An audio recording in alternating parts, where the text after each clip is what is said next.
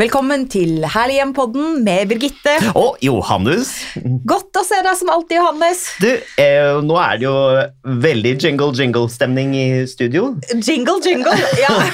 Det er jo så deilig. Altså, det er jul, ja. og vi har fått uh, julegaven så tidlig, for Ja. vi har selveste Finn Sølv i studio. Og det har vi hatt lyst til så lenge, og det er så hyggelig å ha deg her. Kjære Blomsterfinn, velkommen skal du være til Herlig hjem-podden. Takk, og jeg kommer til å bli her, så ta det helt med ro. Ble du redd? Overhodet ikke. Du trenger jo ikke mye introduksjon, men du er jo kjent som Blomsterfinn, en av Norges kjæreste TV-personligheter og blomsterdekoratører. Eh, Du begynte jo i fjernsynsprogrammet Frokost-TV på NRK i 1987, men har fra 1996 deltatt med blomsterinnslag og visdomsord i God morgen Norge på TV 2. Eh, Deltok i underholdningsserien Skal vi danse TV 2 i 2006, og vært dommer i flere sesonger av TV 2 reality-konkurransen Sommerhytta. Wow! Det var en eh, flott Og det er bare, det er bare the tip of the iceberg. Jo, men det, det handler liksom mest om at du blir gammel, så at alle gamlinger du drar inn her, kan du bare kjøre på med. vet du, så Du har gjort det, og du har gjort det, har gjort det. Nei, jeg husker det er- ikke at jeg var født engang, jeg da. Ja, men nå syns jeg du er veldig beskjeden. Du Men her er det så mange ikoniske ting som har, eh, har satt seg ved folks eh, minne. Det er det. Ikoniske ting. Du. Mm. Ikonene henger lavt for tida, vil jeg si unnskyld meg. Nå må du ta deg sammen. Men du, eh, ja, du blir kalt for Blomsterfinn, men du er jo florist, som det heter. Ja, det er jeg. For det er, jo, eh, det er jo på en måte litt sånn mer kanskje formell eh, betegnelse eller tittel, vil du ikke si det? Å være florist? Nei, jeg vil si den er mer, at den er mer riktig, rett og slett. For Ja. det er det jeg er. Også. det er blomsterdekoratør. Jeg er ikke gartner, som veldig mange tror jeg er. Ja. Og jeg er ikke Jeg er blomster... Jeg er en, en blomsterdekoratør, og det er florist, og det får holde. Mm. Det er mer enn nok for sånne folk som meg. Men hva tenker du om å bli kalt for Blomsterfinn? Er det, tar du det som et kompliment, eller er- hva tenker du Eh, om vet det? du, jeg couldn't care less. You couldn't care less? Nei, nei, nei, skal du begynne å stupe inn i sånne ting, så blir det jo helt gal til slutt. nei, det holder jeg meg unna, men det er på en måte sånn at du, jeg, jeg skjønner hva du sier, og du har på en måte helt rett, at jeg syns jo ikke det er det optimale navnet, men da er det sånn med sånne ting. Da må du på en måte heller ta det, da. Og for sånn er det blitt. Jeg er glad jeg ikke er slakterfinn, hvis jeg var slakter. skjønner du? Så, så jeg har ett eneste firma igjen som jeg eier 100% og det heter da Blomsterfinn, du. Kan du tenke deg. så nei, det gjør meg ingenting. Og jeg vet jo at uh, du er jo uh, vokst opp i en familie der uh, planter og blomster og vekster har stått veldig sentralt. Kan ikke du fortelle litt om ditt barndomsrike i Horten? Jo, det kan jeg godt gjøre, for det var en det var et veldig bra sted, det het Linden, og det var farmoren min som hadde anskaffet seg dette stedet. For hun hadde midler til det, og det hjelper jo alltid. Men hun var en smart dame, så hun hadde leid liksom masse eiendommer i Horten av mange haver. Som hun dyrket opp for å kunne få et levebrød. Og hvilket år er vi da, cirka? Da er vi, vi, hun kom til Norge i 1899 fra Sverige. Da var hun, hun er født i 1875, nei, unnskyld, ja, 1875, så hun var jo liksom voksen. Og kjøpte denne gården fordi at hun hadde én ting for øye, da. Det var, det var på en måte å kunne leve av det, og at de skulle ha en familiebedrift som hun selv var vant til fra, sin, fra sitt hjem. Mm. Så, og det fikk hun til. Og hun fikk fatt i bestefaren min òg, som hun gjerne ville ha fatt i. Ja. Så hun var en dame som visste hva hun ville. Altså, det, var ganske, det var veldig behagelig å vokse opp med et sånt menneske rundt seg, for det, det var ikke noe fjas. Men kul dame for sin tid, da. Eh, Eller var damer sånn før? Jeg tror det. ja, du vet sånn det at eh, rivjern. Eh, Nei, men du vet 50-tallet lagde hjemme, Ja, hjemmeværende husmødre. Før det så hadde jo alle, alle damer hatt en jobb. Jeg hadde en mormor som også hadde en, en jobb, altså som var utdannet. Og farmoren min var utdannet, så det var jo liksom ikke noe uvanlig, syns jeg. Moren min jobbet jo. Jeg husker jo det. Det, var jo, det syns folk var rart, faktisk. Det var sånn at de sa til faren min hvordan kan, kan du ikke forsørge kona di? Da svarte han alltid helt kaldt og rolig nei. Jeg hadde klart din. Men hvis du ser på det Åse, så skjønner du det er jo et ødeland. Det er et forbruk der som er helt umulig å håndtere. Og det, den, den pleide liksom, og da, da parkerte han det. Ja. Veldig kult. Ja, så det betyr at du har hatt en del sterke, sterke kvinner i, i livet ditt, da? Nei, jeg tror, ikke, jeg, tror bare på en, jeg tror ikke de var spesielt sterke. Jeg tror damer er sånn. Det er sånn Oi. damer er, er det ikke det? Se på deg selv. Å ja, tusen takk Ja, for det. men altså, ja, men jo, hva men mener du er sånn, hvordan da? Ja, at de er damer vil gjerne på en måte De finner seg jo ikke i på en måte å være noe B-var eller annenklasse, eller at en mann på en måte Nei, det er, vi lever ikke sånn. Altså, kvinner og menn må ha, like, må ha et likt grunnlag, ellers blir det bare tull. Halleluja. Ja, jo, men Ja, det det, blir jo er bare et, tull. det er et grunnleggende behov for selvstendighet, men Ja. så rykket patriarkiet inn på 50-tallet. Ja, definitivt. Altså, kvinner ble jo altså, reservearbeidskraft, ikke sant. At Mm. eh, når krigen var over, så skulle kvinnene tilbake til Selv om de da hadde jobbet Ja, ja. eh, under krigen, eh, så var det jo sånn at eh, når 50-tallet kom, så skulle de tilbake til kjøkkenbenken. Mm. Ok, men når vi snakker om barndom Ja, det er hyggelig. For at vi vil jo gjerne bli eh, godt kjent med deg, eh, selv om vi føler at vi kjenner deg fra før. Jeg vet at du hadde en ganske tøff start eh, på livet. Ja, jeg tror dette, det ville nok veldig mange kanskje oppfatte som en tøff start. Du tenker på det som de beina mine og, den, og at jeg kom på astma hjem og alt det surre der. Mens altså, hvis du hadde hatt en mor som jeg hadde, da, så var ikke det tøff start i det hele tatt. Det var liksom mer sånn Nei, men du, det går fint. Nei, da får du bare sykle med det jernbeinet ditt. Vi hadde jo jernskinner på bena fordi jeg hadde noe feil med scenen. og det var mye sånt. Man visste ikke helt hva man skulle gjøre med det, og så forsøkte man seg frem, og så var ikke det noe vellykka. Så ble det bare tull alt sammen. Men nå er jeg jo kvitt de jernbeina, så jeg er jo lykkelig, og livet er fint. og hvis ikke du legger for mye brett på sånne ting, altså hvis det er det du, du, det du peker på, det blir jo pekt på. Det er litt sånn som når du, når du får gjester, så er det noen som sier 'ikke se på vinduene mine'. Da får jo hele selskapet whiplash og se på det. Så hvis ikke man syns ting er så Nå tror jeg nok mine foreldre tok seg mer nær av dette her enn det de viste, men de visste at hvis man på en måte så på det som det det var i det store hele, så var det jo i forhold til det å leve, så var det jo en bagatell. Og sånn må man tenke på det. Så jeg kom jo på astmahjem også da. Det var jo helt bortkasta. Å tro at du blir bedre på Geilo var jo helt latterlig. Du ble ikke bedre på Geilo i det hele tatt. Altså Man blir bedre når man vokser ting av seg, kanskje, kan man si. Men eh, det var også sånn som jeg tror liksom de sa Nei, men det går fint, jeg er så deilig på fjellet, så du kommer til å like det så godt, så det er mye kongler i skogen, og du er mose der oppe og alt sånt noe fjas og tull. Og så blir det jo sånn at du syns det er ok.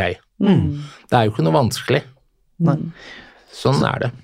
Tror du den innstillingen har gitt deg en, ja, et fokus på det positive i hverdagen, og også hjulpet deg framover med å møte mennesker og i karrieren senere?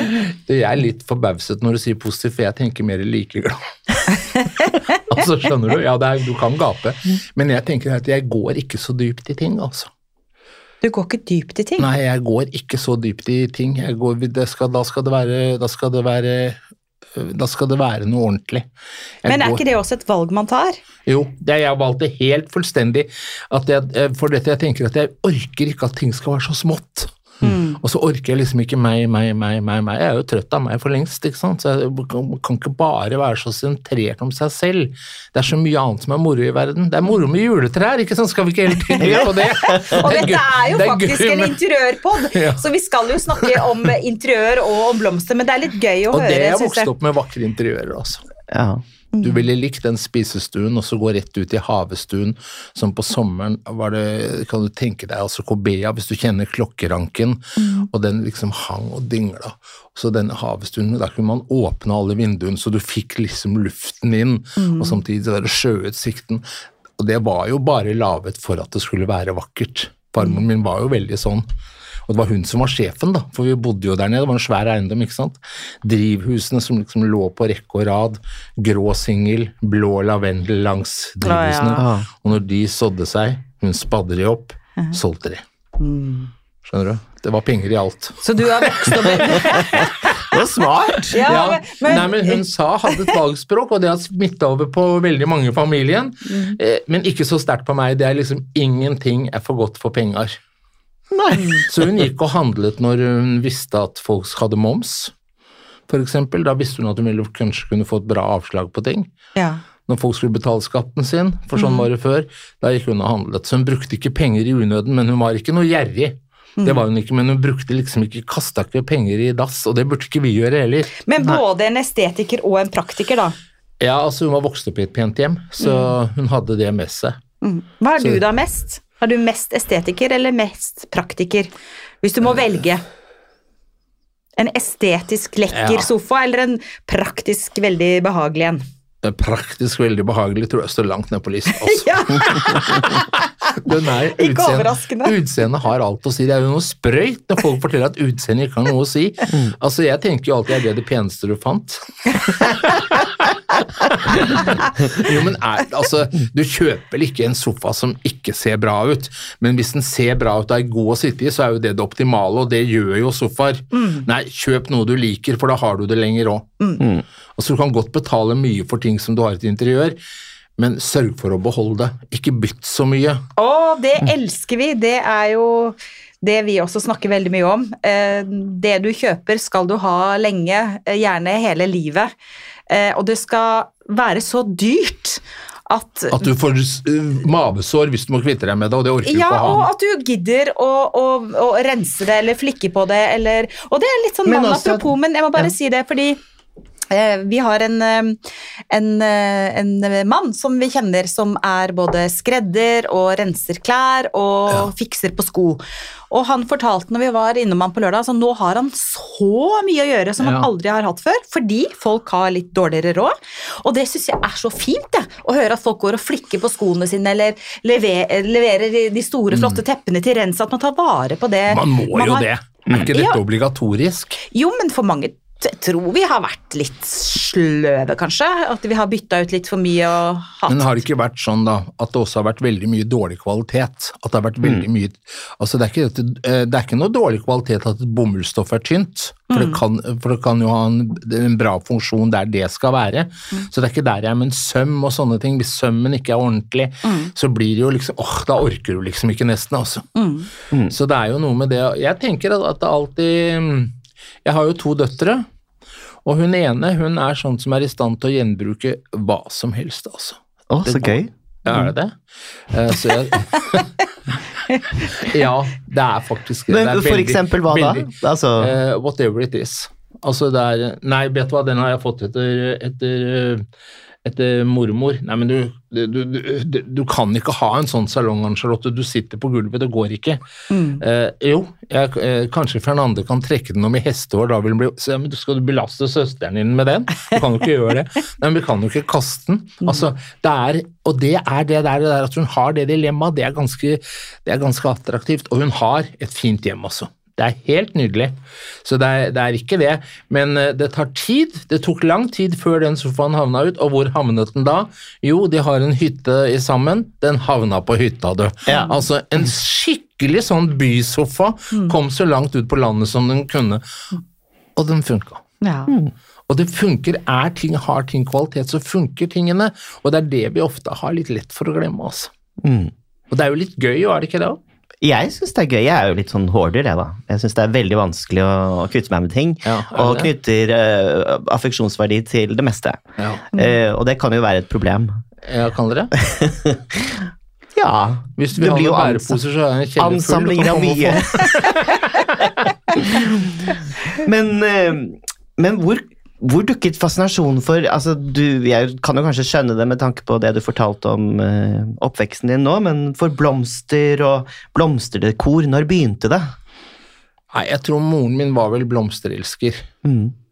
Så pappa var jo gartner. Moren min, blom, altså moren min hadde jo liksom gifta seg med han for å komme lettvint til blomsterbedet, for å si det sånn. Jo, jo, men herregud, det er mange grunner til å gifte seg, det var ikke noen dårlig grunn det.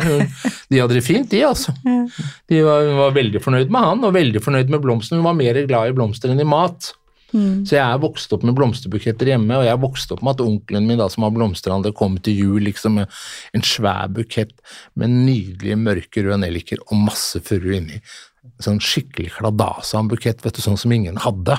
Skjønner du, Ingen hadde sånne buketter hjemme med 20 nelliker. Og nelliker Ja, er så fint, og Ja. nelliken syns jeg har vært litt sånn eh, ja, Nedsnakka. Den har vært nedsnakka, og så lenge var det liksom bare en sånn litt sånn kjip begravelsesblomst. Og jeg syns Ja. nelliker er så nydelig, og de står jo så lenge Ja, og alle fargene, duften, bladene. Ja. Og det med begravelse er jo så artig på en måte, da, hvis begravelse kan være det.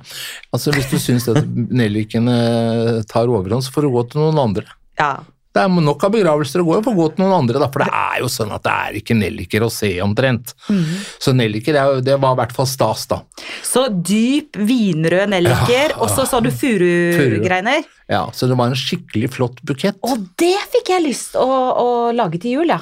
Ja. Ja, og du vet, Furuen har jo den egenskapen at når du finner de rette grenene som er litt gamle, Ja. så har du jo liksom ofte en lang stilk også, ikke sant. Så hvis du finner Ja. disse kvistene som er, så blir det jo nesten som ja, ballett, rett og Ja. slett. Det blir veldig fint. Skal ha litt plass da for en så stor bukett. Eh, nei, det holder med en hybel. Ja, det gjør det, ja. Som en sånn, vi har et sånn fokuspunkt i rommet, sånn centerpiece. Ja, cent Ja, ja. Centerpiece. Hva er din yndlingsblomst, hvis du, hvis du må velge en? Anemoner. Og anemoner. Ja, og da mener jeg hele anemoneslekten, både de franske og de norske. Altså anemonene med rosa som er hvitveis, anemon hepatica som er blåveis, og det vi kaller for franske anemoner, disse store, nydelige du kjøper. Alt anemoner, de er nydelig form, nydelig, alt er fint. Alt er vidunderlig. Men er de sånn som står litt kort? Anemonene, Ja. eh, ikke hos meg. Ikke hos deg, nei, De står litt lenge, altså fordi at jeg tåler så mye. Jeg skifter vann, setter i kaldt om natta, og de, nå har jeg hatt en bukett en uke. Den er helt nesten på bristepunktet. Ser ut som et maleri. Jeg syns det er flott det, når blomstene kan få lov til å dø litt i vasen. I fred. Åh, men du, gjør du det konsekvent? At du bytter vann hver dag og setter Nei, det kaldt? Nei, men på anemonene er litt, er litt grei. Ja, og det er nydelig. De er litt bakteriesvake, så Å, ja. de kan liksom fort bli bepphengt med det. Men uh, nei, altså blomster står jo egentlig ganske lenge hvis du gidder å sette de kaldt om natta, altså.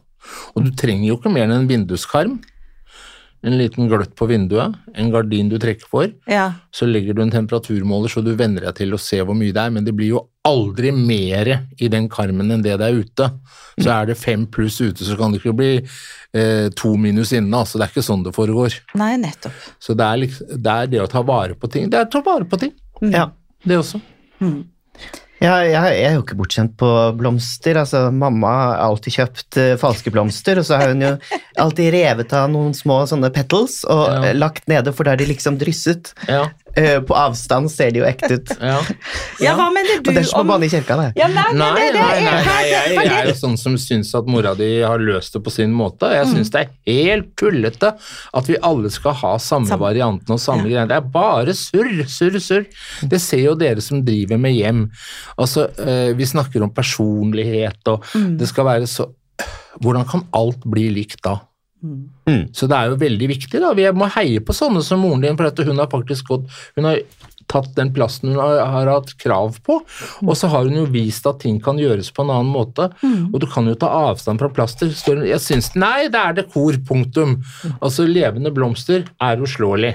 Ja, det er Men det. det er ikke sånn at de plastikkblomstene hennes eh, dytter de levende blomstene ned i en grav. Nei, nei, nei. Når hun får levende blomster, så blir hun glad. Ja. Og, og, og silkeblomster. Av og til Det det eh, så blander jeg silkeblomster med ekte blomster. Ja. Hvis jeg syns at buketten er blitt litt tynn, f.eks., altså tar jeg bort de som er døde Ja. eller i ferd med å dø, så kan jeg kanskje bare putte inn noen silkeblomster for å fylle ut buketten. Og det tenker jeg det er helt greit. Så kan folk mene hva de vil, så lenge jeg slipper tørkede sånne, Ja, du er ikke noe glad i tørkede blomster. Nei. det er ikke glad i. Har snakket om det før, men det, det er altså tørka strå som er fint, kongler, alt sånn som er fra naturen. Men når jeg ser sånne buketter med tørka strå som er spraylakka med sånn rosa eh, Det liker jeg ikke. Folk må gjøre som de vil, men det syns ikke jeg er fint. Men hvis du da tenker deg da, Ja. altså den fantastiske tapeten til Gucci med flamingoer, har du sett den?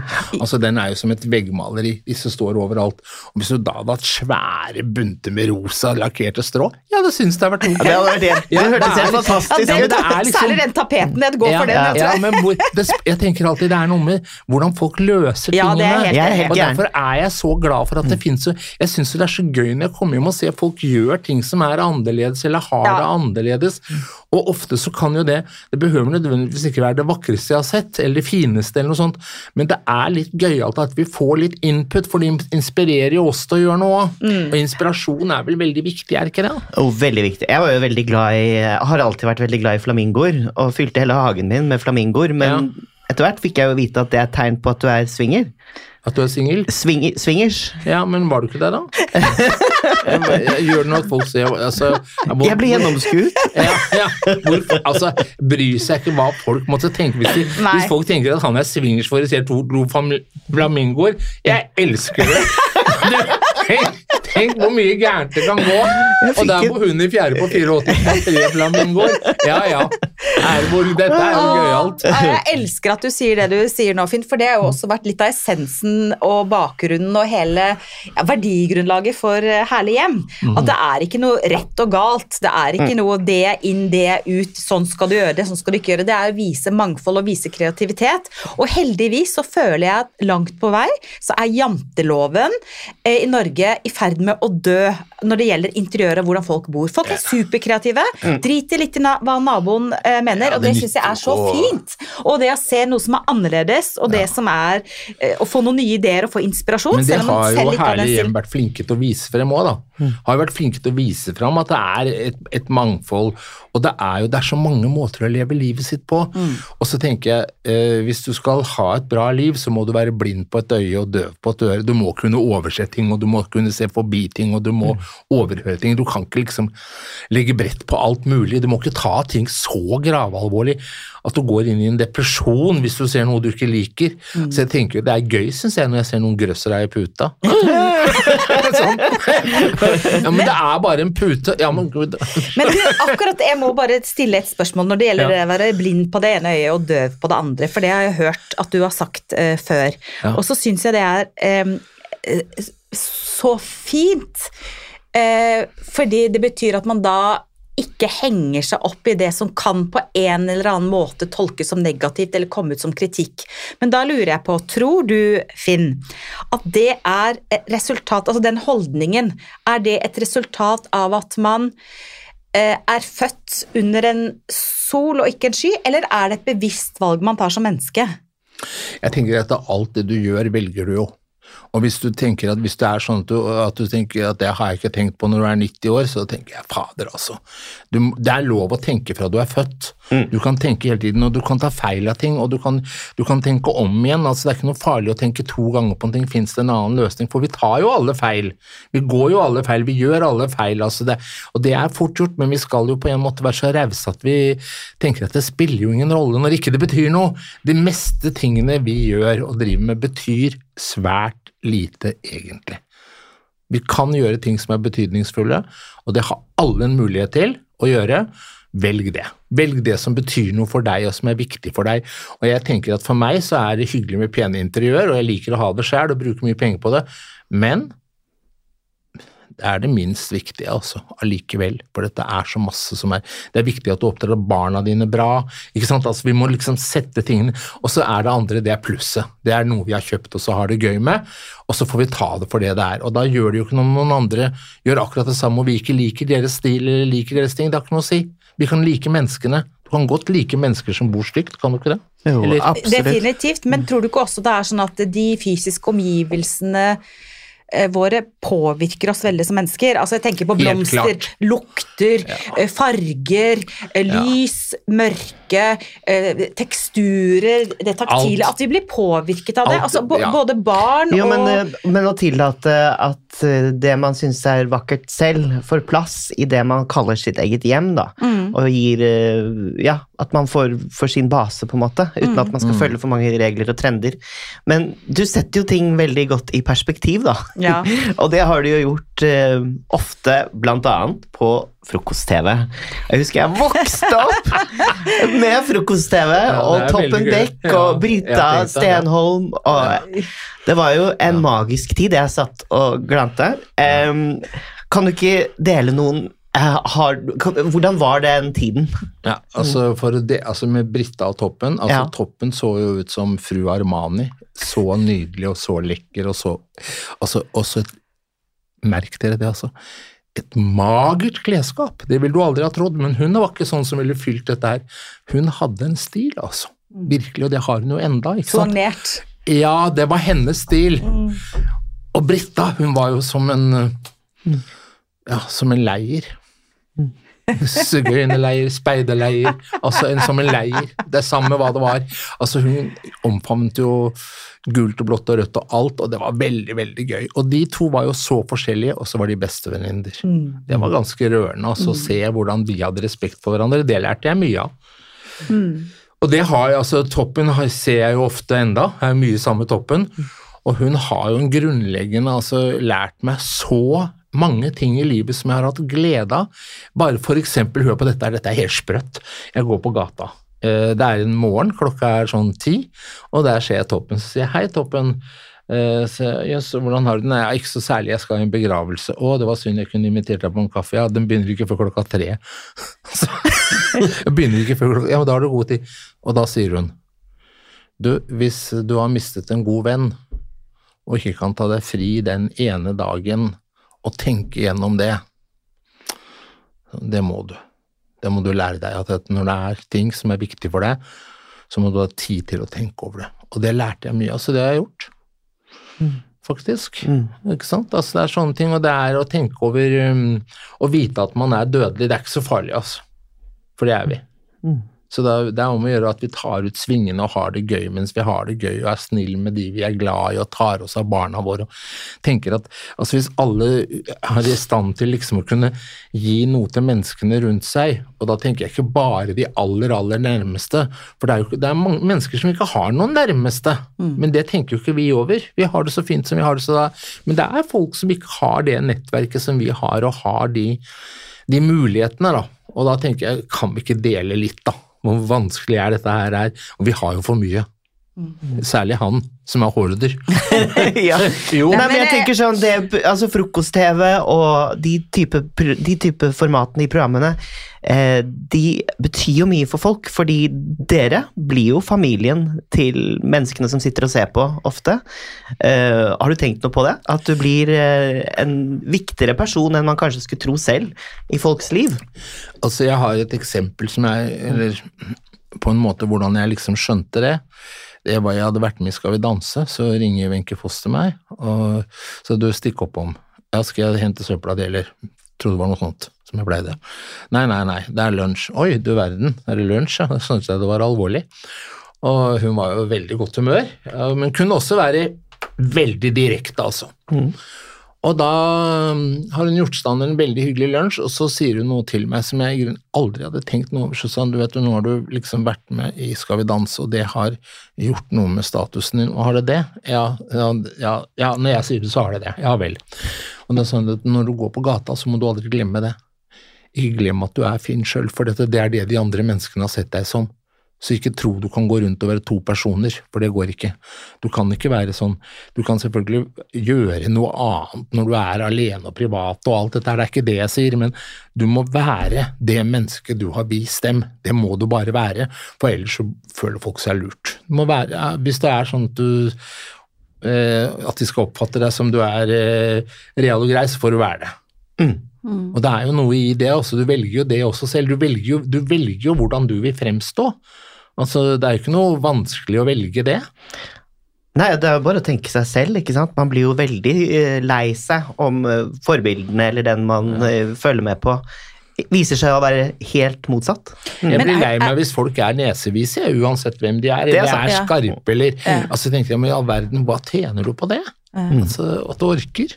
Men er det litt strengt budskap òg, som hun kommer med til deg? Ja, på en måte, men det Jeg er liksom å det være det. bevisst på hvem du er, da. Og det er ikke dette man skal la det gå til huet på seg, for der har det jo ingenting å gjøre. Men vi mennesker er jo mangefasetterte. Ja. Så selv om man har et ansikt som er kanskje på skjermen eller i det Ja. offentlige rom, så er man jo mangefasettert. Og jeg liker veldig godt og hvis jeg intervjuer kjendiser eller ja. kjente ansikter eller Ja. politikere eller hvem det er, at, eh, at man også ser mangefasetterte mennesker. Og det er en av de kvalitetene som jeg setter veldig pris på ved deg, Finn. For jeg har møtt deg på, jeg har møtt deg på noen TV-arrangementer og sånn, ikke sant. Og vi har hatt så gode samtaler. Og selv om jeg da vet veldig godt hvem du er, og Blomsterfinn, så har vi hatt gode samtaler om ting som ikke nødvendigvis er relatert til ditt daglige virke med blomster og TV, men der du har snakket om empati og det å være rollemodeller, ja. det å støtte humanitære organisasjoner, det å være til stede for andres liv, det å se andre mennesker.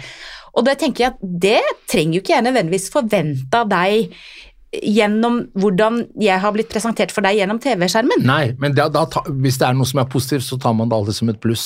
Ikke sant? Ja, men det sånn, er ja. det negative Ja. vi ikke orker. Ja. Vi orker altså ikke å få den skuffelsen. Nei. Så du ser, han er jo et persilleblad der. han tåler jo ingenting. men jeg tenker jo sånn, du Prins ser jo Orama det. på siden her. Du ser jo det, jeg er jo annerledes kledd for eksempel da, enn jeg er på TV. Mm. Det er jeg jo. Altså, jeg går jo ikke som en kanarifugl til daglig. Jeg gjør ikke det, men jeg liker det veldig godt. Og jeg liker det godt når jeg er på TV, så syns jeg ikke det gjør noe at jeg tar på meg noen rare ting og rare briller og rare klær og gjør ingenting. For det, jeg er sånn også, men det, jeg orker ikke være sånn 24 timer i døgnet. Så mm. jeg har liksom Skalaen min egentlig er jo brun og blå. Altså, det er, du kan jo nesten ikke bli mer mann, det er jo et hån. Ja, du ser, brun og blå. Så det er jo liksom de tingene så, Men det spiller ikke noen rolle. Det som man må passe på, er at man liksom ikke har en annen karakter i seg selv. Det er jo sånn som alle barn er jo opptatt av, fordi foreldrene er så opptatt av det gode karakterer på skolen. Og det er, syns jeg er strålende, men man må jo ikke glemme karakteren sin. Så, men det er jo ikke dermed sagt at selv om man er opptatt av gode karakterer, at man glemmer karakteren til mennesket. Det vil jeg ikke si, men det er veldig viktig å huske på det, i hvert fall. Det må vi ta litt, litt høyde for. Det som er på innsida. Jeg tenker sånn blomster. Altså, hvorfor er blomster bra TV, ikke sant? Eh, jeg tenker at Det er jo ikke så bra TV, det er jo Jo, bare meg er som holder på med det. Nei, men jeg tenker at eh, Akkurat som når vi lager Herlighjem, så bruker vi interiør som en brekkstang for å bli kjent med eh, mennesker, altså lage portretter av mennesker. Og jeg tenker blomster er jo kanskje det også. Eh, blomster er jo viktig på, i, eh, i eh, hva heter det, store øyeblikk i livet, ikke sant? Og når man skal bli glad, når man er lei seg, etc. Og har blomster på en måte blitt en slags brekkstang for å eh, snakke om det menneskelige, følelsene, eh, mellommenneskelige relasjoner på TV for deg? For du Ja, betyr jo mye er- mer enn en blomster for folk. Det er, jo ikke noe, det er jo ikke så veldig vanskelig, da, egentlig. Men jeg tenker jo at blomster treffer jo liksom uh, mange punkt i et menneskes liv, da. Du kan bruke blomster når folk er lei seg. Du kan bruke folk, blomster når folk er glad, du kan bruke det når de har gjort en bra eksamen. Du kan ta en liten bukett du plukker i haven din og gi til naboen din og takke for at de tok inn posten. Så blomster har liksom et sånt språk som er, er så brukelig. Det er så lett å forstå hva folk mener når de gir en blomsterbukett. Det er ikke noe vanskelig at, de, at du skjønner at de vil deg vel. Og det er, jeg må tilstå at jeg Du vet, eh, når man har stått i en blomsterforretning, så har du liksom Ja, skal det ikke være et kort, og så skriver folk kortet med. Det kortet er jo så vesentlig, det også. Må ikke glemme det. Altså, det står i sånne ja, 'vennligst ingen kondolanse', for eksempel, er en begravelsesannonse. Ja, man blir jo bare irritert. Vennligst ingen blomster i graven, og så send penger til eh, Røde Kors. Ja, gjør det. Send penger sjæl. Hvis jeg har lyst til å gi penger til Røde Kors, så gjør nå det. Det mener jeg virkelig. altså Ethvert menneske som forlanger at jeg skal gjøre det, må doble den summen. Det må de gjøre, i anstendighetens navn. Når de ber meg å gjøre det, så får de gjøre det sjøl òg. Og så er det noe med hva skjer når ikke du får, får, får de blomstene. Du får bare en melding fra Røde Kors at du har 300 kroner og sånt noe. Eh, Det lille kortet som det står noen personlige ord, for du kjenner jo disse menneskene, det, det er ikke sånn at folk driver med utstrakt kondolansekorrespondanse, altså. Nei. Da får du ikke sagt det. Så det der at, at vi skal liksom vennligst ingen um, eh, Jeg skjønner at det kan også være belastende. Jeg, for, jeg har ikke noe vanskeligheter med det i øyeblikket. Men hvordan blir det etterpå? Når ikke du har hørt noe fra de du er glad i? Når ikke du liksom skal snakke om ting? Nei, jeg tror man må snakke om alt. jeg. Mm. Uansett hvor behagelig eller ubehagelig ting må være. Få det på bordet, snakk om det. Altså, Klem det ut, rett og slett. Altså, bli, da, bli ferdig med ting og gå videre så godt man kan. Og det er jo sånn at livet gir noen slag som du kan halte litt av etterpå, altså. Du skjener jo litt av gårde en stund. Det er ikke alt som er like fancy. Eh, Men det hjelper. Det hjelper hvis du har en god venn å dele eh, sorgen med, på en måte. Altså, du deler gledene, blir jo dobbelt så stor. Sorgen kan på en måte aldri kanskje halveres, det blir flåsete å si, men jeg sier det allikevel, det vil dempe. Jeg tenker Blomster er som et tynt, tynt plaster på et åpent sår, at det betyr noe for folk å få den hilsenen. Og, da tenker jeg så, og da tenker jeg de som ikke klarer det, da, Mm. de har jeg et hjerte for, de òg, altså. Jeg syns det må være veldig vanskelig. At ikke de skal få de Hvorfor hvis vi skal, Nei, vi må bare vi må komme over sånt. Vi må sende et brev, da. Vi må prøve å være Men det blir vanskelig når folk ikke vil ha noe. Men det er jo, hvis man er den Jeg er veldig enig i det du sier, og jeg, jeg syns det er veldig vanskelig å forstå folk som sier 'vennligst ingen blomster'. Eh, men så tenker jeg, hvis det er noen som er i den situasjonen, da må man i hvert fall eh, eh, få ned noen ord. Ja, men gjør du det? Det er jo det som er greia. Gjør Ja, vi det? nei. Bare forlanger folk altså det er så, Ja. Til alle dere Vi skulle ha sendt mange ord, men vi fikk ikke gjort det. Sånn Nei, men jeg tenker generelt, da, og det gjelder kanskje ikke bare blomster og kondolanse, men eh, man skal ikke forkleine en gave, er det ikke det det heter? Nei, skal- altså, det hvis noen enig ønsker å gi deg noe, da, så skal Ja, man ikke si nei, det er altfor mye, det skal jeg absolutt ikke ha, den kan jeg Ja, ikke ta imot. takk. Det er Ja, så takk. dårlig gjort hvis man takk. gir en gave fra hjertet, og du har liksom lyst til å gi noe fint, eller noe som betyr Husker jeg noe fikk kjeft en gang. Jeg, jeg kom med blomster i middagsselskap, så fikk jeg så hud, hud, hud, ble hudfletta. Fordi verten skal jo ikke stå på kjøkkenet og drive med blomster når alle gjestene Nei, men, altså det, men poenget det er et lite tips, da. Ja. Hvis, man, hvis man er et stort selskap, med, med, si at du har 12 eller 20 til bords, da, ikke sant? og der du skal kokkelere og lage mat, så Enten hvis det er litt formelt, så kan du sende blomstene dagen i forveien, sånn at verten eller vertinnen kan plassere de. Eller så kan du faktisk eh, åpne blomstene og sette de i vann og kutte de selv. da. Fordi at det, Som vertinne, hvis du plutselig står med sju fantastiske blomsterbuketter, da, og så Ja. skal du servere bobler og passe på sausen så Jeg, jeg unnskylder ikke den personen som kjefta på deg fordi du kom med blomster, men, men det er litt å tenke på når man har med blomster, hvordan man gir de, da. Jeg tenker det er veldig lett å løse. Jeg. Hvis, det er vel sjelden at disse selskapene som vi går i er i Bergen og Trondheim og sånt nå, det er vel unntakene. Så hvis det er sånn at det er noenlunde i nærheten, jeg vet ikke, jeg har jo bare tre kilometers øh, Altså, øh, min vennekrets er liksom innenfor tre kilometer. Altså, ja, Non-stop radius, Det, jeg orker liksom ikke å gå så langt. Nei. Nei, men altså, så klarer jeg å stikke innom med de blomstene på forhånd. Mm. Det er ikke noe vanskelig, det. Det er bare å gå levere. Føler du et ekstra press, siden du er den du er? Nei. Nei. Så du kan Nei. eh, Det er der, altså. Jeg lar meg ikke presse. Du, du, du må ikke gi noe sånn kjempeelaborat hver gang. Nei, men altså jeg er jo heldig, for jeg har jo en hage, så jeg syns det er gøy å gå og ta noe der, og da kan det jo bli litt størrelse på det. Å, det er flott, da. Ja, jeg syns det er litt gøy. Da tar litt mye da. Altså, Vi må jo få en eh, beskrivelse av hjemmet ditt på et tidspunkt også. altså Hvordan det ser ut hjemme hos deg. Ja, Hvordan papegøyeburet er. det er jo det er et fuglebur, altså. Ja. For å si det sånn. Men det kan jo- hende at vi er frekke nok til å invitere oss eh, selv til eh, Finn en dag. vet du, At er får jo lov å sånn legge ut litt ting bilder på Insta. jo- Liksom Ting forplanter seg, ikke sant. Altså hvordan altså, ja, Vet dere hvem Steinar Kaspari er? Ja, Han driver jo og maler med spray, absolutt. ikke Kaspar. sant. Ja, ja. Og så tenkte jeg at eh, gud, da er det så gøy, han kan komme og spraye litt hos meg. ja.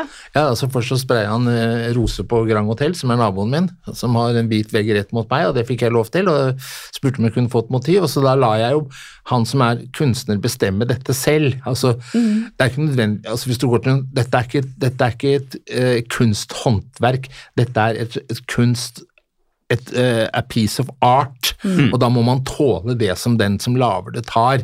Altså, Da blir det litt mer moro. Så det ble litt annerledes enn jeg hadde tenkt, men veldig fint. Så gøy. Ja, du fikk Ja. bygget, bygget deg rundt det. Liksom, det var bra. Ja, det var, å, Gud, det var deilig. Og så tenkte jeg inne, så har jeg alltid tenkt jeg skulle ha like bilder i denne stua mi i dette sommerhuset mitt, som er en sånn gammel villa. Så tenkte jeg liksom, hm, kanskje han kan ta spraye noen bilder, da. Ja, så der er det, Dette er jo sånn pent og gammelt. Det er, inter, det er et fint, det er et fint gammelt interiør som er veldig veldig bra. Det bra, var bra arkitekt på huset, og det var bra, og det var bra interiørarkitekt. Så det er sånne små trerammer rundt på Å, ja. veggene, at det er liksom felter inn. Så det er helt naturlig. Ja, så Steinar kom, målte opp, og det ble liksom åtte malerier i ei stue, og han satte i gang å spreie. Og når han da har gått rundt der og sett alle disse fuglene, for det er så mye Jeg skjønner ikke hvor alle fuglene kommer fra, men det er fugler på lamper, fugler på tepper, fugler overalt, det er så mye fugler! Ja, da kom det fugler på bilder, og, bilder, og, og det der når du får en kjøttmeis som er liksom en kvadratmeter stor, den syns jo! Så ting forplanter seg, og da er det sånn at jeg tenker skal du ha en mann til å lage bilder i stua di, så må han lage de. Jeg kunne liksom komme Jeg, vil, jeg, sa, jeg, sa, jeg sa landskap, og det ble jo landskap, men fuglene de syns. og det er ikke sånn at det bare er fugler, men det er markant, og det er gøy. Har du sånne fugler du knipser på lamper og Nei. Nei. Det er, Det er, det er Nei, lampen er en fugl. ikke sant? I size, altså håndmalt uh, bronse. Nei, jeg tror vi må ta oss et besøk, Johannes. Vi- vi Kan, kan vi komme og besøke deg? Ja, eller, ja, ja. Ja, jeg har vi- også en fascinasjon for fugler, skjønner du, men jeg er så redd for fugler. Jeg syns det er et paradoks. Det er jeg òg. Jeg har fugleskrekk. Har du det? Ja, men du vet hva Freud sier om det. Ja. Seksualangst som alt mulig annet. Men Johannes ja, så, så, sa det Freud sa jeg veldig mye rart, men Så dumt. Men jeg må bare Noen som si- viter det andre så hyggelig. Men det er, så, det er mye fugler i butikken din nå. Eh, det siste jeg kjøpte i din butikk, var faktisk ikke en fugl, men en, en forgylt gris.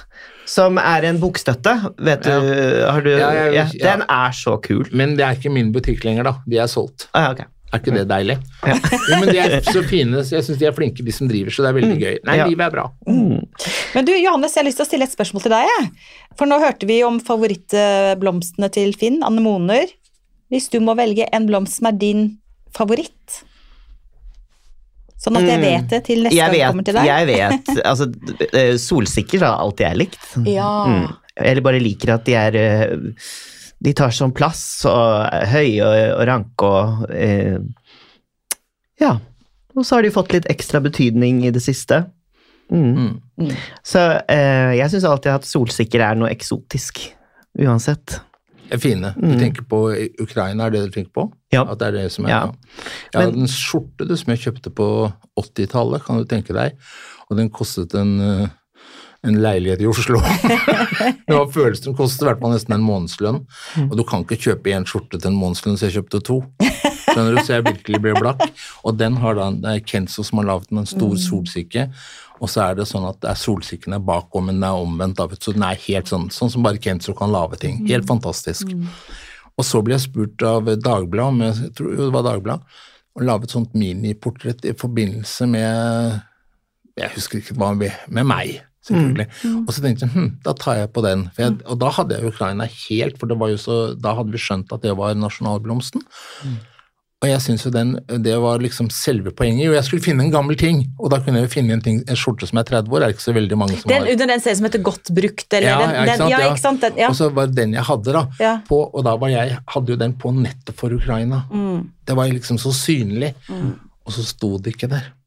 For jeg hadde jo ikke sagt det. Jeg tenkte, For meg var det sånn gud, jeg, er- jeg er sånn som alle andre. Jeg tror det jeg tenker på, tenker du Ja. på. Det jeg ser, ser du. Men sånn, det er jo sånn at verden er sånn. Vi ser verden fra den vinkelen vi står i, når vi står i den vinkelen. Ja. Så bildet ble bra, det var ikke det, men det var bare litt rart for meg. tenkte jeg, hm. Og det var jo selve vitsen, å ta den. De som så det, de så det. Ja, ikke Ja. Men det var liksom noe med den solsikken som du sier òg. Mm. Og er ikke det ålreit å tenke at dette blomster kan liksom bety noe på den måten? Også at ting har symbol. At korset, det er jo en symbol. Kransen er jo en symbol, ikke sant. Altså, vi har jo ikke så mange symbolting i Norge. Så jeg sier ja takk til alt, jeg. Mm. Enig. Ja. Lurer dere på hva som er min favorittblomst, da? Eh, nei. jeg tror Jeg tror jeg, jeg, jeg, tror jeg tror kan se det. Ja. Ah, hvis, jeg skulle, hvis jeg skulle gå og gi deg en skikkelig bukett, så skulle det være med noe store, myke, det skal være grener, og det skal være virkelig grener med 20-30 roser på. Nydelige roser, og så skal de dufte. Det er ikke noe. Du vil ikke ha det? Eh, jo, men det er ikke min favoritt. Nei, det burde vært. Nei, vet du hva? Jeg har en Desidert nummer én er Märtha-liljer. er du helt sjuk? Stor, sjuk i huet. Store buketter med Märtha-liljer, og det Ja. til jul. Så, så liker jeg og, og den har jo også vært litt sånn assosiert med begravelser, Ja, men det er faktisk. deilig duft, da. Men jeg også synes jeg når det er sånne store buketter med Ja, det alltid. Altså, det er så nydelig. Og gjerne med furu til Ja. jul. Altså Ja, furugrønner. og strå og gress og gud og hva som helst. nydelig. Men Også alene er de fine. Ja, det er helt, altså, jeg syns det er eh, kjempevakkert. Altså, roser er også nydelig, men eh, liljer Jeg syns liljer er helt Det eh, er bare fordi jeg oppfatter deg som veldig feminin, da. Så oh, ja, så herlig, da. det de, ja, ja, skjønner du? Nå susser vi over bordet her i Ja, det er podkasten. tross alt et lukket. Du er jo glad i det romantiske og det klassiske, da. Mm. Romantiske Ja, er- og klassiske. Jeg, jeg er ikke så god på å si og s-er. liljer, altså, alle former for liljer syns jeg er Men den er jo klassisk. altså Det er jo Ja. liksom en av de Jeg vil si det er en av de fem store blomstene, er det ikke det? Jo, hva er de liksom- andre? Jeg tenker på du har roser. Roser.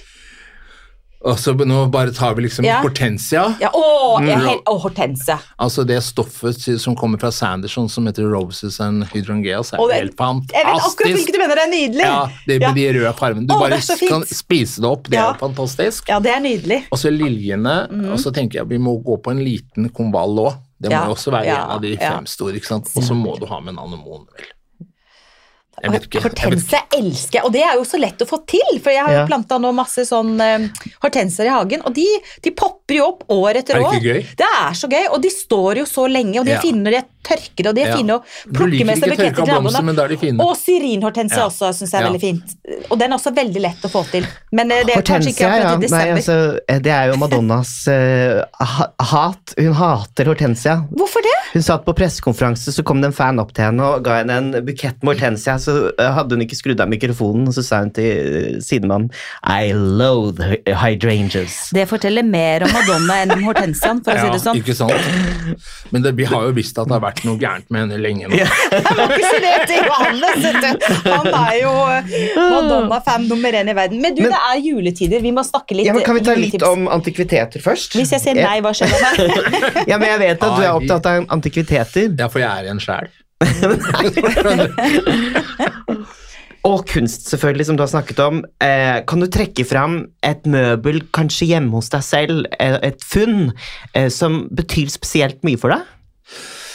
Du, jeg må være helt ærlig med deg nå, for dette, det, er noe, det er nesten ingen møbler som betyr veldig mye for meg. Altså. Jeg kan hogge opp alt, men jeg har det jo. Derfor er det så Ja. veldig viktig at sånne folk som meg kjøper noe de virkelig liker, at de syns det er ålreit, for ellers så har det kort levetid. Jeg kan ikke dø for en stol. Jeg kan ikke dø for et salongbord. Men øh, jeg har altså Jeg blir jo lykkelig når jeg er på Frelsesarmeen, og så finner jeg et nydelig sånt ovalt teakbord som er kjempe, helt perfekt, ikke sant? Og så det første så kommer datteren min hjem og sier 'Å, Gud, hvor har du kjøpt den?' Eh, eh, på Fretex. 'Og tror du de har flere?' Nei. og hun er ikke dum, men hun liksom tenkte ikke før hun spurte. Og så kjøpte jeg på nett eh, fra Danmark et bord i palisander, et stort, rundt, lavt bord. Og så når det da kommer hjem og jeg ser at det er laget, at det egentlig er norsk design, så ble jeg også ganske fornøyd med det, for det var det er så øyeøynefallende der det står òg, man kan ikke unngå å se det. Det står i en liten havestue, så, det, og denne, så bordet er så stort det er bare plass til to lenestoler der foruten, men det er akkurat passe rom, så står det store, nydelige, mørke, lave, runde, deilige kaffebordet. Altfor stor plass. Du kan legge bøker oppå det, skrinn oppå det, kan ha fugler oppå det. Så er det ganske så er, Ja, det er rett og slett det er veldig hyggelig. Eh, men jeg tenker alltid at møbler det kommer liksom Det har vært så mye før, og det kommer så mye. Det er så mye som er fint. ikke sant? Det er så mye som er gøy, så man det- tar valg og står ved de. Men det du sier at uh, uh, at du er en antikvitet selv, og at, at, at det er veldig mye av det materielle vi omgir oss med, er veldig forgjengelig, da, hvis jeg forstår Ja, det du det sier. er ikke sant? det. Ja, ja, det er jo det. Men har du alltid tenkt sånn, eller er det fordi du begynner å bli eh, voksen at du, at du tenker sånn? Altså at man tenker mer over at tingene ikke er så viktig, eh, selv om de er vakre, ikke er så viktige? Er det noe som du har tenkt Jeg tenker hele at livet? det, liksom, det estetiske, altså helheten, har jo veldig mye å si. Mm. Mens jeg tenker det ofte er ikke så avgjørende om det er det bordet eller det bordet. Mm. Det er ikke sikkert at dette, det er ikke sikkert at dette interiøret ville falle sammen selv om du hadde bytta ut tre ting hjemme, eller noen andre hadde gjort det og satt Mm. helt andre ting enn du selv ville ha valgt. Så kan det også være bra. Mm. Jeg tenker at det er så mange ting som er bra, så det spørs jo selv. Dårlige ting kan være superlekkert hvis det bare blir brukt bra, og nettopp da er det så gøy. Det er jo moro, da. Mm. Er ikke det litt Jeg, jeg syns alltid jeg får sjansen for når jeg kommer igjen med sånne hjem hvor det at jeg tenker wow. altså, det kan jo være hva som helst. Jeg husker jeg hadde en eh, rulle, vet du, sånn eh, gammel rulle Ja, ja. Som, med, som var fine farger og sånt, og så brukte jeg den som, som bar. Og kult. Ja det? ja, det kan du si nå, for dette bar var altså en sånn ikke-ting å ha på 80-90-tallet. Det var harry, liksom. Det var ikke bra nok. Og da syntes jeg det var stas å sette ginflaska rett i fleisen på folk. Altså. det syns jeg var gøyalt, for dette, eh, jeg visste jo at folk reagerer på det. Hvor kommer det begrepet harry fra? For når jeg sier det til min mor, jeg syns det var litt harry, så sier min mor alltid 'harry? Hvem er harry igjen?' sier hun alltid. Ja. Og hvor kommer det begrepet fra, vet dere det? Um, nei, For det er, liksom, det er men jo det er et mannsnavn. Ja. Altså- Og så er det jo veldig sånn tidsbegrenset. Jeg sitter og ser på Dynastiet nå. eh, Det går på TV3. Ja. Viaplay, det er veldig gøy. Ja. Og jeg, for det første må jeg bare si at skuespillerne er helt fantastiske. Mm. Det er virkelig gode, gode prestasjoner. Og klærne er jo helt fabulous. Det, altså 80-tallet er jo eh, 100 tilbake igjen, ikke sant? Mm. For det var jo en periode hvor eh, bare grøsset helt av Men nå, altså de Skulderputer. og de buksedressene til Ja. Alexis og Crystal og dressene, tettsittende olabukser på mennene altså det, er så, det er så kult! Eh, og det er, det er det jeg mener, at altså, harry og trender Mm. Ja. Mm. det går jo hele tiden i bølger, ikke sant? Jo, men det er jo liksom trendens altså Det er det som er så deilig med trend, da. Inn i dag, ut i morgen. Ja. Og det tåler vi så godt når vi er klar over det. Mm. Så jeg tenker at det er jo nettopp det. Altså, jeg elsker Iris Apfel. Og så, det, det er liksom Der er jeg fan nummer én. Altså, jeg elsker at hun liksom Når hun skal forklare folk om trend og stil, hva som er forskjellen. Og da sier hun liksom altså trend, det, du, det er det som du omgir deg med hele tiden, for det nytter ikke å selge noe som ikke er trendy. De som selger, vil gjerne selge ting som er trendy, så for noen er det det. Men stil, det er jo DNA-et ditt. Så den stilen som du har, og det er jo, det er jo på en måte sånn, og det er jo sånn når man ser mennesker, så du bør ikke, du bør ikke, ha den, du bør ikke være kledd som Åse Kleveland for å si at folk har stil, for Åse Kleveland har det, og den er jo helt særegen for henne. Og det er jo så smart! Og sånn kan vi jo alle være, vi kan jo alle ha vår stil som er oss. 100% og særlig i hjemmet så er det mye lettere, for der har du ting lengre. Så hvis du holder på stilen din, holder på tingene dine, og så kan noen synes kanskje at det er utdatert. Ja vel, hvis ting har stått i et hjem i 50 år, så vil jo automatisk kanskje føles sånn, men på den annen side så vil du se at det er en stil, altså. Det er sånn de er, og det er dette de dette lever de bra med. Og stil er gøy, er det ikke det? Er det ikke gøy når folk har sin stil, og det er, det, det er sånn det er? Veldig. Absolutt. Men du, vi må snakke litt jul også, Johannes. jul er viktig. Ja. ja, jul er viktig. Hva betyr jula for deg? Det er mitt DNA. Ah. Julen er mitt DNA. Det kommer liksom av den oppveksten i det gartneriet og at det var alt dreide seg om blomstene som Altså da tulipaner, ikke sant. De skulle jo da komme De første tulipanene ble drevet fram til jul, og julegledene, og det var jo en stor ting. Og det er jo nå snakk om trend, altså. Den har vært utrendy i årevis, men nå elsker folk disse rosa julebegoniaene som bare blomstrer og blomstrer, er store og fine og tåler mye mer enn de gjorde før, og bare lyst til å klemme de når jeg ser de. Men, eh, så det er det vi snakket om hjemme, det var liksom, og det var jo levebrødet. Altså, ikke, ikke, var ikke aksjer, men man snakket altså om hvor, hvordan, hvordan drivhusdriften var. At dette var bra, nå står tulipanene fint, nå har de klaret å skjæres. Alt dette her, det var så viktig. Så det gikk liksom litt så julen en eh, den sitter sterkt i meg. Du skulle lage, det skulle lages juledekorasjoner til blomsterforretningen. Skulle ha kranser, ikke sant, mosekransene, og de skulle være pene. De skulle ikke bare være en flat eh, haug, altså det skulle være nydelige, runde, tette mosekranser med litt pent grønt på, skulle pyntes på spesiell måte. Altså alt dette her var jo viktig, for vi levde jo av det. Det var jo, det var jo en hel familie som eh, det var jo en innkomst for alle i familien, så det var jo veldig viktig at dette her ble bra. Og julen, det var kanskje opptil 40-50% av omsetningen i året, altså. Det er vanskelig å forstå nå, som folk bruker så mye penger hele året. Den gangen så måtte folk spare liksom i litt for å ha til høytidene, da. Men Men hvis du skal gi noen tips til lytterne våre, da, eh, som kanskje har ja eh, vanlig økonomi, hvis det er noe som heter det. Eh, vanlig juleferie, altså ikke kjempelenge fri, men heller ikke bare to dager. Eh, og de skal da eh, gjøre noe blomsterrelatert til julehjemmet. Det være seg kranser på døra eller blomsterbuketter. Gi oss noen par gode tips. Ja, kom dere ut. Kom dere ut, kom dere ut og gjør det nå før snøen kommer. Hent mose på stenene, det er lett å få av nå, og det er ikke noe farlig. Den mosen er tilbake på plass neste år, den gror mye fortere enn det du tror. Gå og plukk kongler. Altså, har du noen mulighet, hvis du bor, hvis du bor i distrikter, da, sånn som Vestfold, og Sør-Vestlandet og hele der, så har du eføy du kan gå og plukke. Brisk er jo nydelig. Altså, det er en veldig stor og vond jobb å lage kranser av brisk, men det har du igjen for, altså. Bruk gummihansker. Og bind da en briskekrans. Du ser jo for deg at den grågrønne kransen er helt nydelig. ikke sant? Det er nydelig. Så jeg tenker at du skal høste mye av naturen. Og har du en hage, så skal du plante ting som du vet du kan bruke hele året. Og nå har vi snakket om hortensia, den er jo brukelig når den er, men det finnes altså grønne vekster som er helt fabelaktige. Canada hamlock, det er en tynn, tynn gransort som ser nesten ut som den er nedslanka. Lange, tynne, myke grener. Jeg elsker å plukke av den og ha innimellom blomstene mine Hva kalte du Canada hamlock? Ja, hamlock. Ja, når dere ser det, så ser dere at dette er et tre som blir eh, 17 meter høyt eller 70 eller noe sånt. og blåser det, bare kutt det. Altså hvis du er i haven din, syns ting er for høye, klipp de av, for da stopper du veksten. Så hold det nede med saks, så kan man ha Canada hemlock.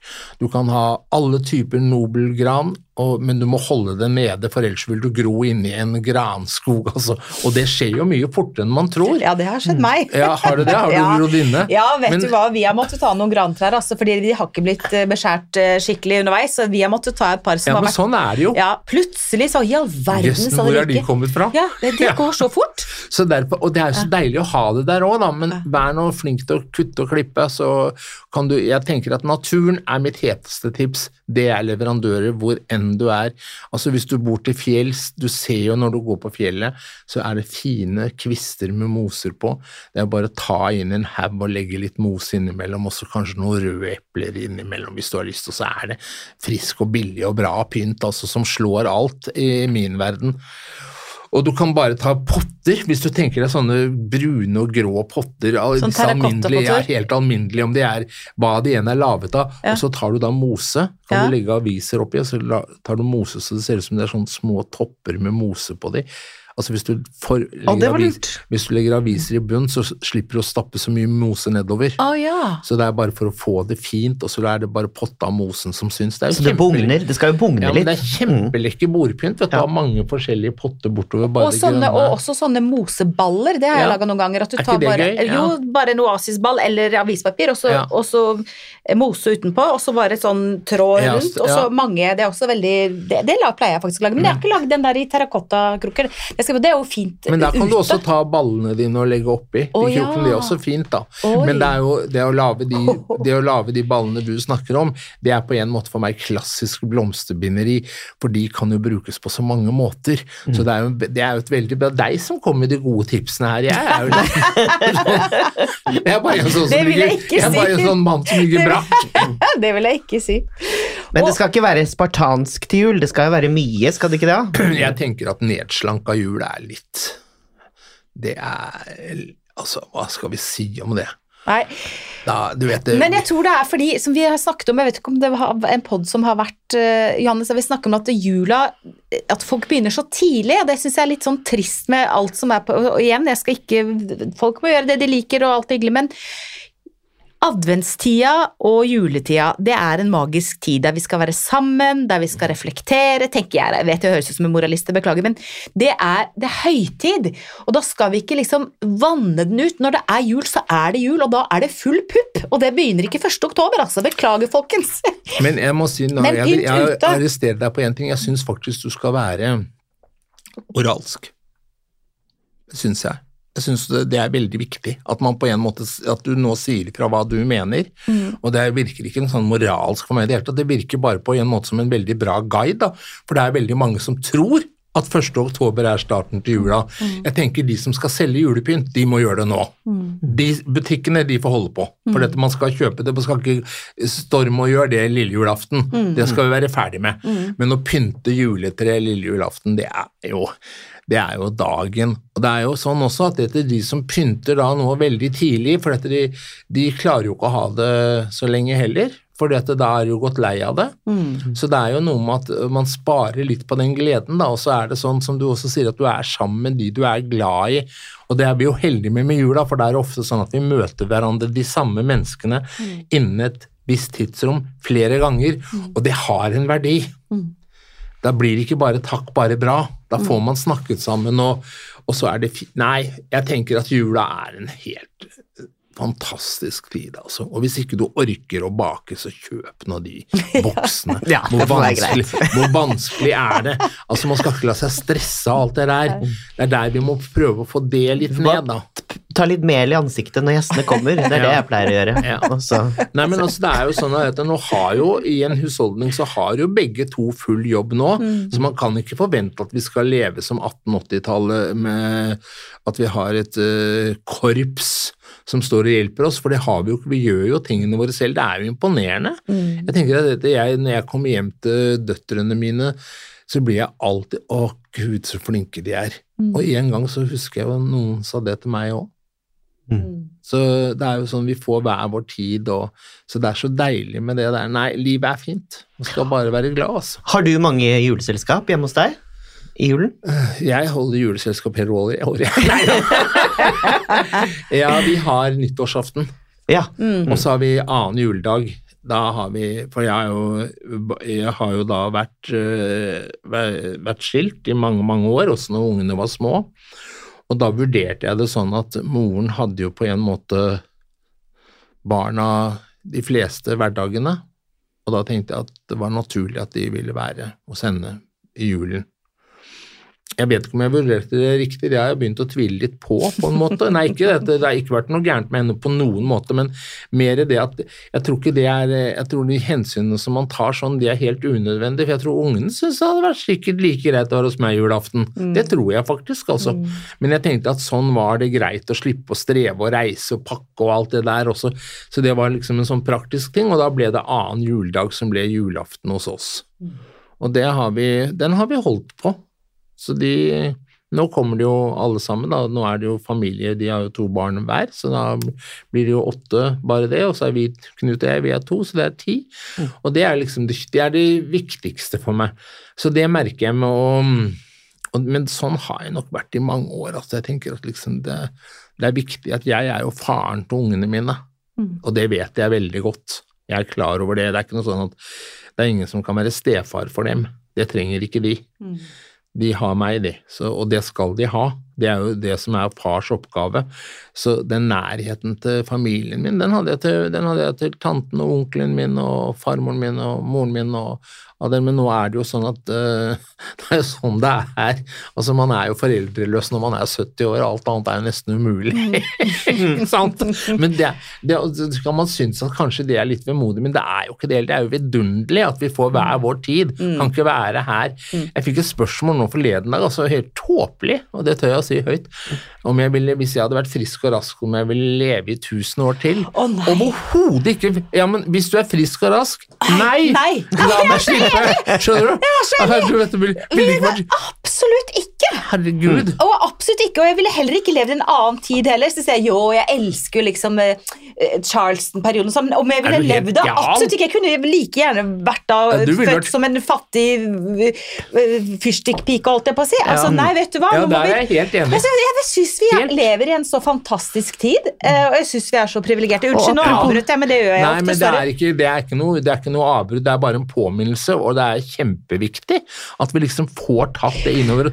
At så lite krig som det er i verden, akkurat nå har det aldri vært, selv om den er nære. Eh, Nå tenker vi over det, det er en helt annen sak. Vi burde gjøre det bestandig, selvfølgelig, men det er noe med at vi har fine liv, altså. Og det er et fint land, selv nå som det er vanskelige tider.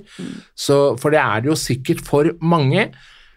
Så håper jeg liksom at eh, Rett og slett, dere behøver ikke å tenke på å hjelpe meg. Dette skal, jeg skal klare meg. Så vi, altså gamlingene, de er jo stinne av gryn på en måte. Uansett, de fleste av de er jo det, har jo god råd. Så vi tåler litt, vi altså. Vi behøver ikke bør ikke tenke på meg. Tenk på de som ikke har noe. Altså Tenk på da de på samme alder som ikke har noe, for tenk på de. Men aller, aller, aller mest så er det disse unge som jeg tenker. Altså det å være ung, enslig, bo alene. Jeg skjønner ikke hvordan de klarer det. Altså hvordan de klarer en husholdning alene. Hvordan man som med en normal, alminnelig lønning kan klare å, å, å overleve i Oslo. Med, jeg, jeg er kjempeimponert. Men så er det jo mange som ikke klarer det òg. Ja, og det, det er de vi skal tenke på. Mm. Nei, nå bare så jeg så for meg deg som piken som, med svovelstikken, jeg nå. Gjorde det? Og det, Ja.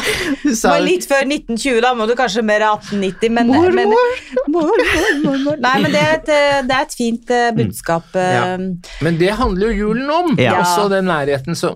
Så. Men altså, jeg vet jo bare om ett menneske som jeg virkelig har kjent, som klarte å invitere fremmede mennesker inn til jul. Altså, nå gjør man, avanterer man jo etter noen i avisa og sånt nå, men kan dere huske Grete Kausland? Ja. Altså, Grete var jo et eventyr. Så øh, hun tar taxi øh, på julaften på, på formiddagen, og så blir hun snakkende med han og spør hvor han skal henne. Nei, han skal jo selvfølgelig ikke hjem til Etiopia, det er jo litt langt å dra til jul. Ja, hvor skal du? Nei, ingen sted. Nei, da skal du til meg. Ja, kjør ned. Du må bare kjøre til Fern Jacobsen først. og så kjører han. Ja, du, jeg må bare ha en genser til han ute i bilen. Hvilken størrelse bruker han? og så kommer han da på middag på kvelden, altså. Fantastisk. Altså, hun var et fantastisk menneske. Og medmenneske. Altså, du gikk ikke med avisen der om morgenen uten at du hadde fått en kopp kaffe, altså. Det var helt fantastisk. Så det er noe med det der De tingene kan jo alle utvikle. Jeg tror at det er ikke så veldig, veldig, veldig vanskelig. Vi kan hvis vi vil, men for meg er det allikevel litt vanskelig det med julaften, altså. Da vet jeg ikke om jeg kan klare å være sammen med mennesker jeg ikke kjenner så godt. Og sånn har jo dessverre de fleste det, så derfor blir det en del som blir sittende, sittende alene. Mm. Men jeg har jo også vært tatt inn, jeg har jo hatt venner som har invitert meg hjem til seg når jeg ikke skulle hjem, og jeg bodde her i Oslo og var ung og sånn også, så jeg vet jo at det er fullt mulig. Men Ja, men hvis er- man ikke mm. klarer Unnskyld, Johannes. Hvis man ikke klarer, da, fordi man føler liksom at selve julaften er veldig for de helt nære, og, Ja. og de som har vært veldig nære, ikke sant, Ja. som man har mistet og alt det der, nå får jeg tårer i øynene.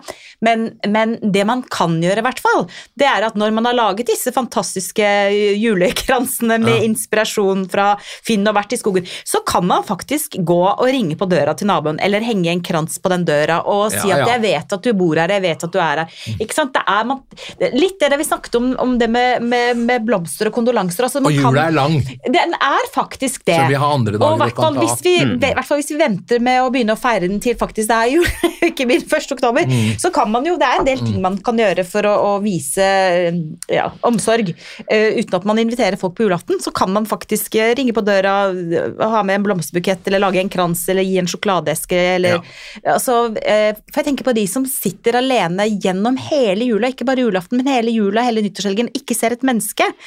Eh, det er ikke greit. Nei, men det er ofte sånn, da. Jeg tror liksom man må eh, Ensomhet er så spesielt, for jeg tror at det, det der er at de går ofte under radar nå. Mm. De, for dette det er noe sånn stille ved det. Altså det er liksom ikke noe støy. Det er Så vi må nok eh, se på. Jeg tenker det må være sånn som kvinner og støv. Vi må se etter det, så finner vi det. Vi må lete, så finner vi de menneskene vi gjør det. Så, og det er mye vi kan gjøre som, som, eh, som er like bra. Det er like bra å bli invitert på første juledag også. Så det er ikke sånn at For jeg har selv vært alene julaften, så jeg veit at det kan du overleve. Det man ikke overlever, er at det er alt jeg stiller rundt deg. Det er det som er vanskelig. Så Man må ha noe å glede på. seg til, og, og vite at det er ja, noe gøy rundt hjørnet, rett og slett. Um, takk for at du kom på besøk, Finn. Ja, det har definitivt vært både gøy og inspirerende, Ja, og ikke minst eh, mange fine tanker eh, og ord til ettertanke, eh, som er viktig ikke minst i de tidene vi er i nå. Tusen takk for at jeg fikk komme. Det var veldig hyggelig. Veldig hyggelig å ha deg her. Nå gleder vi oss til jul, alle sammen. Vi gleder oss til jul. Eh, skal vi si god jul, eller er er det for tidlig, Johannes? Litt tidlig. Det er litt tidlig. Det er bare 7. Ja, men- desember. Ja, det. Nei, det er altfor tidlig. Det er bare 7. desember. Nå var, var jeg, du druknet inn i et sånt uh, julelandskap. Jo, nei, det er men de kan tenne adventskransen sin. Men Lyset god der. advent. Ja. Mm. Adventstida er en nydelig tid. Tenn lys og kos dere, folkens. Tusen takk for i dag til deg også, Johannes. Vi er tilbake allerede neste onsdag med nye temaer og forhåpentligvis inspirasjon. Tusen takk til du og dere som hører på oss hver eneste uke. Og husk, ta vare på ditt herlige hjem, stort eller smått.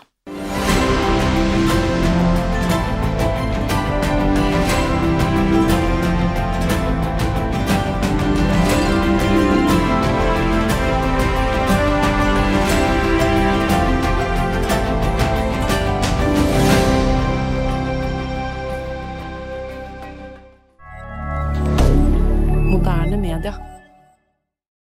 Har du et enkeltpersonforetak eller en liten bedrift? Da er du sikkert lei av å høre meg snakke om hvor enkelt det er med kvitteringer og bilag i fiken, så vi eh, gir oss her, vi.